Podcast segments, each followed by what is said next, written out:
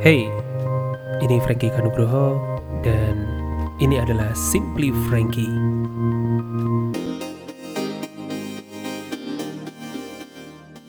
Ya, buat kamu yang mungkin udah bosen kalau ngelihat di sosial media itu isinya belajar melulu uh, micro micro apa? Namanya microblogging. Jadi slideshow panjang udah isinya panjang udah hari-hari ini banyak banyak pikiran masih harus belajar ini dan itu. Well kali ini kita pembahasannya santai aja. Nggak perlu bikin yang aneh-aneh. It's just simply Frankie and welcome to another episode of it. Mencoba bikin juga sesuatu yang uh, kalau aku bilang sih pengennya pengen lain ya. Karena sebenarnya kalau mengamati apa yang ada kemudian uh, oke okay, semua orang kali bukan semua orang kali ya banyak yang bikin apalagi juga misalkan artis-artis dan sebagainya itu bikin live bikin seminar webinar bikin pokoknya resep-resep sukses kiat-kiat sukses kiat bertahan apa segala macam dan kalau dari aku pribadi sih justru malah kayak aduh ini overwhelm banget lah. Bisa nggak sih kita bernafas sebentar aja yang lebih santai nggak perlu ngoyo gitu.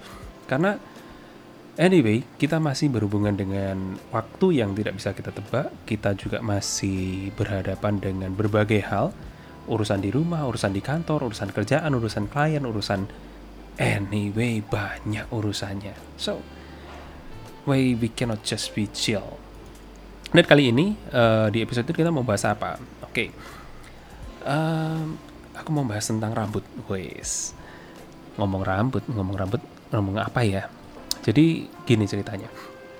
Jadi dari kecil aku merasa aneh dengan dengan rambut aku. Jadi kalau lihat foto-foto aku yang dulu, yang sejak bayi, rambut aku tuh lurus banget. Bahkan kalau dulu itu orang apa foto di di foto-foto lama rambutnya itu orang bilang uh, cukurannya potongannya adalah potongan batok gitu. Karena kan saking lurusnya rambutnya turun ke bawah terus sehingga potongannya seperti itu. Dan waktu itu lihat uh, ada teman atau saudara yang rambutnya itu bisa naik gitu kan. Wah di di apa namanya pakai tangan gitu aja bisa naik itu. Wah kok kelihatannya menyenangkan ya punya rambut kayak gitu gitu. And uh, rambutku memiliki perjalanan yang cukup luar biasa sih. Ya. jadi kelas 2 SD itu zamannya waktu itu New Kids on the Block gitu uh, keriting-keriting gitu. Dan kebetulan rambut rambut papa juga keriting jadi rambutku dikeriting waktu itu keriting bulat. Jadi um, karena mungkin kebanyakan ikut mama ke salon kali ya jadi jadi bahan percobaan juga. Dan kemudian abis itu tumbuh panjang lagi it's like normal. Kemudian kelas 5 kelas 5 SD ya kalau waktu itu. Um, keriting lagi keriting lagi ada belahannya. Wow intinya adalah supaya rambutnya bisa naik. And after that uh, rambutku itu kelihatannya udah berubah jadi nggak lurus. Jadi kalau orang bilang tuh uh, rambutnya itu ngombak. Bahkan dulu tuh sempet stres aku melihat rambutku itu ada yang lurus banget ada kalau dipilah-pilah itu ada yang lurus ada yang keriting ada yang bergelombang. Jadi kok acak banget gini kan? Dan um, susah banget untuk ngaturnya. And tipikal pada waktu itu um, rambut yang dinilai oke okay, itu adalah rambut yang lurus bisa bisa dibelah gitu. Dulu waktu itu zamannya belah tengah gitu. Waktu itu apa ya zaman zaman film-film Mandarin lagi lagi booming. Misalkan ada waktu itu bintang-bintangnya ada Andi Lau, Aaron Kwok, Jimilin gitu rambutnya itu rapi gitu bisa dibelah kayak gitu. Dan for me kok susah gitu ya punya rambut seperti itu. Dan itu kayak jadi kayak bulan-bulanan dan kerasa nggak pede aja sih. Belum lagi sebenarnya pada waktu itu uh, udah gimana ya? Kayak kayak karena semua orang mempercayainya itu yang bagus jadi aku jadi percaya juga bahwa itu nggak nggak oke okay, gitu. Padahal bagi ada seorang temanku yang bilang e, ngapain sih harus pakai rambut uh, rambut itu harus seperti itu? Potong pendek aja bisa uh, cepak gitu. Potongan cepak itu bisa bagus juga kok kenapa harus yang seperti itu? gitu kan. Dan aku juga mikir tapi aku nggak mempercayainya. Dan susah banget ya pada waktu itu aku untuk menerima diri sendiri uh, krisis PD even sampai sekarang gitu rambut panjang sedikit juga udah susah ngaturnya tetapi sebenarnya uh, kesimpulan yang mungkin bisa diambil adalah jenis rambut itu nggak masalah selama kita love ourselves pertama kedua tahu pola tahu tahu cara ngatur, mengenali dan tahu selah atau cara mengakalinya. Jadi intinya rambut model apa pun kalau kita tahu cara ngaturnya juga semua beres. Dan rambut apa pun itu kalau kita ya pede-pede aja, well nggak apa-apa juga. Sebenarnya ini just me versus myself yang merasa bahwa untuk untuk itu um, jadi membuat aku mempunyai faktor yang tidak tidak bisa diterima gitu kan jadi acceptance it's something yang uh, jadi isu pada waktu pada waktu itu even sampai sekarang sekalipun dan itu aku rasa kayak apa ya suatu yang kita hadapi terus menerus aku nggak tahu dengan teman-teman apakah menghadapi yang kayak gini-gini juga. And kalau buat aku satu hal minor juga yang aku merasa nggak oke okay adalah um, kalau pada waktu itu ya kulitku ini kebetulan kata orang cukup putih gitu kan. Bahkan bagi sesama orang keturunan uh, Cina itu dibilang ya kalau Frank itu keputihan gitu malah malah kayak gitu sementara kalau dulu aku sekolah di negeri memang putih itu jadi beda sendiri itu sudah something. Kemudian matanya sipit. Walah udah satu set dengan berbagai hal gitu kan. Dan selalu berjuang dengan penerimaan dan penerimaan dan sebenarnya satu hal yang paling penting bagi aku sebenarnya lebih kepada gimana sih aku menerima diri sendiri. Uh, feeling good about myself membangun kepercayaan diri yang istilahnya sebenarnya uh, well kita itu nggak mungkin uh, memuaskan semua orang kan? So ya harus punya rasa ketenangan gitu ceritanya. Dan uh, apa pun itu juga hmm, banyak hal yang istilahnya dari dulu tuh berjuang untuk diterima. Jadi kayak misalkan sebagai anak kedua di dalam keluarga uh, kepercayaan selalu lebih banyak lebih banyak diberikan ke anak pertama. Kemudian rasanya uh, anak yang ketiga yang paling kecil kayak paling disayang gitu kan. Ya lagi-lagi bukan aku aku rasa bukan bukan uh, settingannya seperti itu ya. Orang tua mau gimana gimana tapi lebih ke mikir-mikir sendiri aja yang mungkin bisa terjebak di dalam pemikiran itu. Wow, penerimaan jadi isu dan eh, hari-hari ini kita lagi sibuk diterima di mana sih? Kita lagi mau fit in di mana? Uh, katanya kalau mau new normal ada segala sesuatu yang dirubah dan sebagainya eh, kadang-kadang malah justru pertanyaannya adalah kita mengejar sesuatu yang settle ternyata udah settle sekarang dirubah lagi gitu kan. Memang tidak ada yang konstan kelihatannya yang konstan adalah perubahan itu sendiri. Whenever we whenever we ready or not ternyata tuntutan akan perubahan terus di apa di di digalakan lah ceritanya kayak gitu. Oh ya satu lagi. Um, masalah penerimaan juga. Jadi pada waktu kecil dulu waktu waktu mungkin SMP SMA gitu ada uh, mungkin kayak sekarang juga tetap ada sih ya uh, berhubungan dengan barang-barang branded dan sebagainya. Dan pada waktu itu aku bukan orang yang atau keluarga yang mampu atau bisa beli barang-barang branded seperti itu.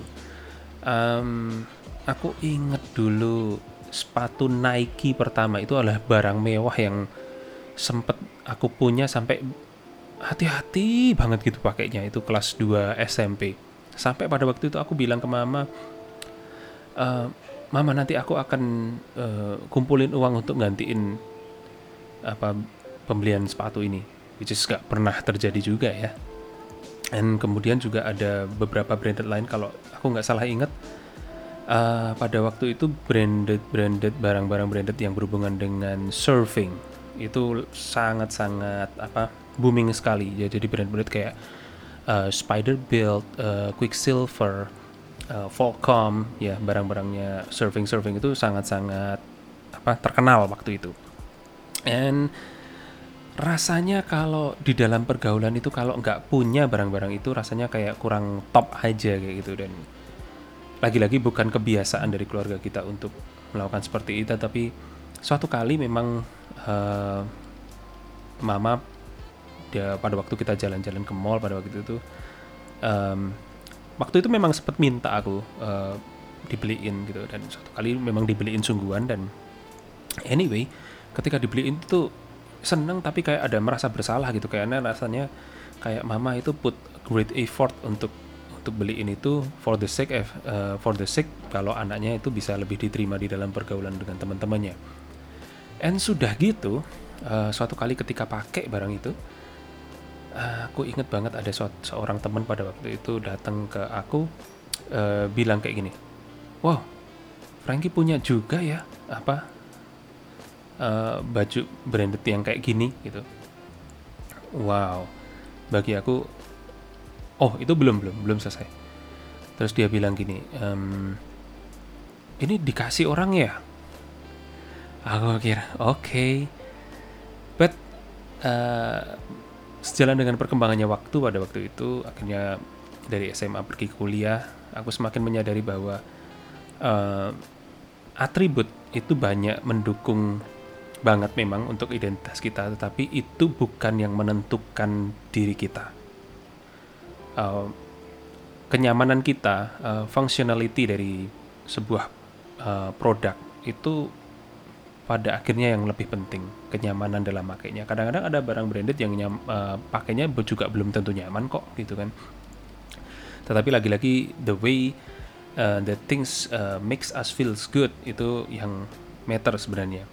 Kita nggak pungkiri ya, aku sendiri juga orang branding gitu. Aku sangat senang dengan hal-hal yang uh, branded dalam artian yang disukai itu lebih kepada bagaimana sih kayak uh, sebuah brand tertentu bisa lebih diminatin daripada brand-brand yang lain.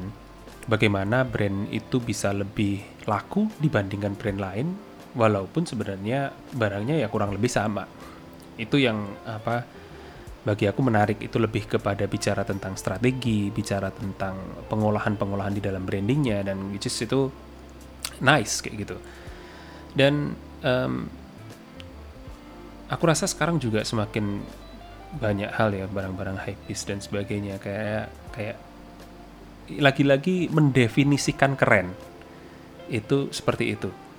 But no offense with you all yang juga suka dengan barang-barang seperti itu. Bukan untuk gimana-gimana.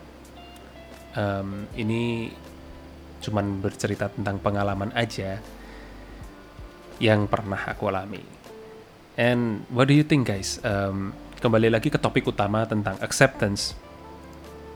Uh, coba yuk uh, flashback gitu. Kira-kira untuk acceptance ini sebenarnya yang kita lakukan apa sih? Dan kita ketika berbicara tentang acceptance, satu kata yang terus mengejar aku, apalagi suatu yang aku percaya di dalam konteks branding itu biasanya lebih ke apa tentang relevansi So relevansi bagaimana kita tetap bisa berelasi dengan baik itu ada tuntutan-tuntutan atau serangkaian tuntutan yang memang uh, akhirnya ada. Kita sudah melakukan apa aja sih untuk itu? Uh, apa yang sudah kita tukar? Apakah kenyamanan kita ataukah apa? Jadi oke, okay, this this uh, like apa? mini podcast kayak gini ini pun uh, sebenarnya adalah suatu yang aku pengen ini juga membuat aku lebih relevan. Karena aku cuma mikir gini aja dari dari yang aku amatin gitu ya. Mengamatin beberapa pergerakan yang ada. Seneng banget sih uh, kalau hari-hari ini lihat sebenarnya lihat-lihat Instagram gitu ada banyak-banyak uh, orang sekarang bikin-bikin yang microblogging seperti aku tadi bilang. Dan itu bagus-bagus gila.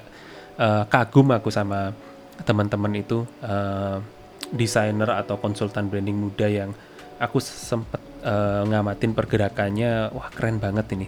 Aku waktu seumuran mereka nggak bisa seperti ini. Dan teknologi memungkinkan banyak hal.